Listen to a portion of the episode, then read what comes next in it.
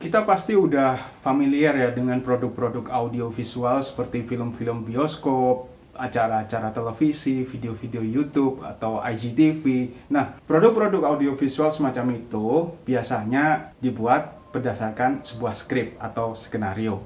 Ya nggak semua sih, ada sebagian video yang dibuat dengan spontan gitu, nggak nggak pakai skrip-skripan. Tapi kalau kita bicara industri atau tataran apa profesional, hampir semua produk-produk audiovisual itu dibuat berdasarkan sebuah skenario. Karena fungsi skenario itu krusial banget di sini, yaitu untuk membuat sebuah pertunjukan menjadi efektif gitu. Nggak bertele-tele, nggak mengulang informasi yang sama. Pendeknya lebih terstruktur lah dengan skenario.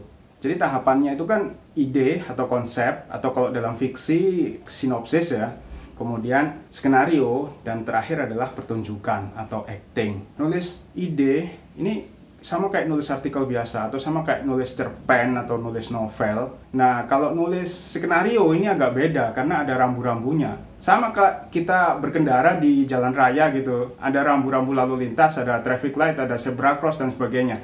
Nah kita harus paham itu semua supaya kita nggak nabrak-nabrak kalau jalan dan supaya orang lain paham juga ke kita dan nggak nabrak-nabrak kita gitu kan. Assalamualaikum, aku seorang penulis multimedia, multi platform. Di sini aku mau berbagi hal-hal ringan seputar profesiku. Namaku Brain Tito.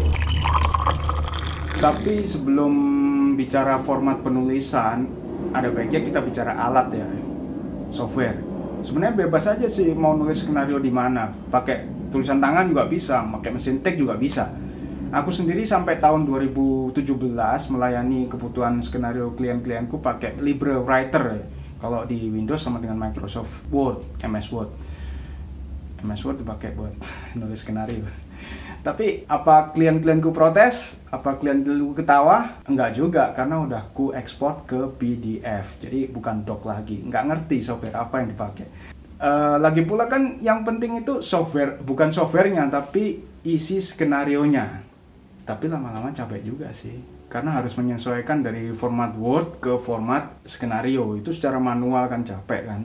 Makanya sejak tahun 2018 aku pakai software khusus untuk penulisan skenario. Banyak sih, tapi pilihan akhirku akhirnya ke Caltex. Ini software yang udah teruji ya, udah banyak dipakai oleh penulis-penulis Hollywood yang aku suka dia itu punya aplikasi Android. Jadi kita bisa nulis skenario kapan aja bisa sambil rebahan juga sambil tiduran. Aplikasi ini bisa juga digarap dipakai dengan offline tanpa internet. Nanti kalau kita sudah selesai ngetik-ngetik kemudian kita online dia otomatis akan ngupload script ini ke cloud storage-nya Caltex. Dan itu gratis nggak ada batasnya. Kalau tertarik silakan cari di Google Play Store atau di Apple Store gitu. Nah aplikasinya gratis dan nggak ada iklan sama sekali. Versi berbayarnya adalah versi desktopnya itu jauh lebih lengkap fitur-fiturnya. Jadi mulai dari praproduksi, produksi sampai pasca produksi itu semua bisa ditulis di Caltex. Tapi kalau untuk penulisan skenario aja itu bisa pakai aplikasi Android, aplikasi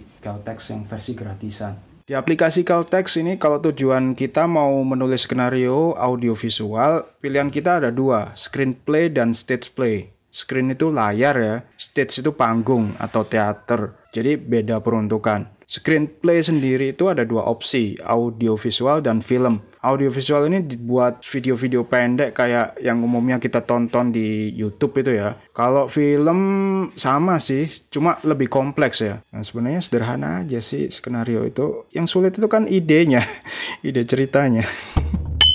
Terima kasih sudah menyimak. Sampai ketemu di podcast-podcast secangkir espresso Brandito berikutnya. Wassalamualaikum.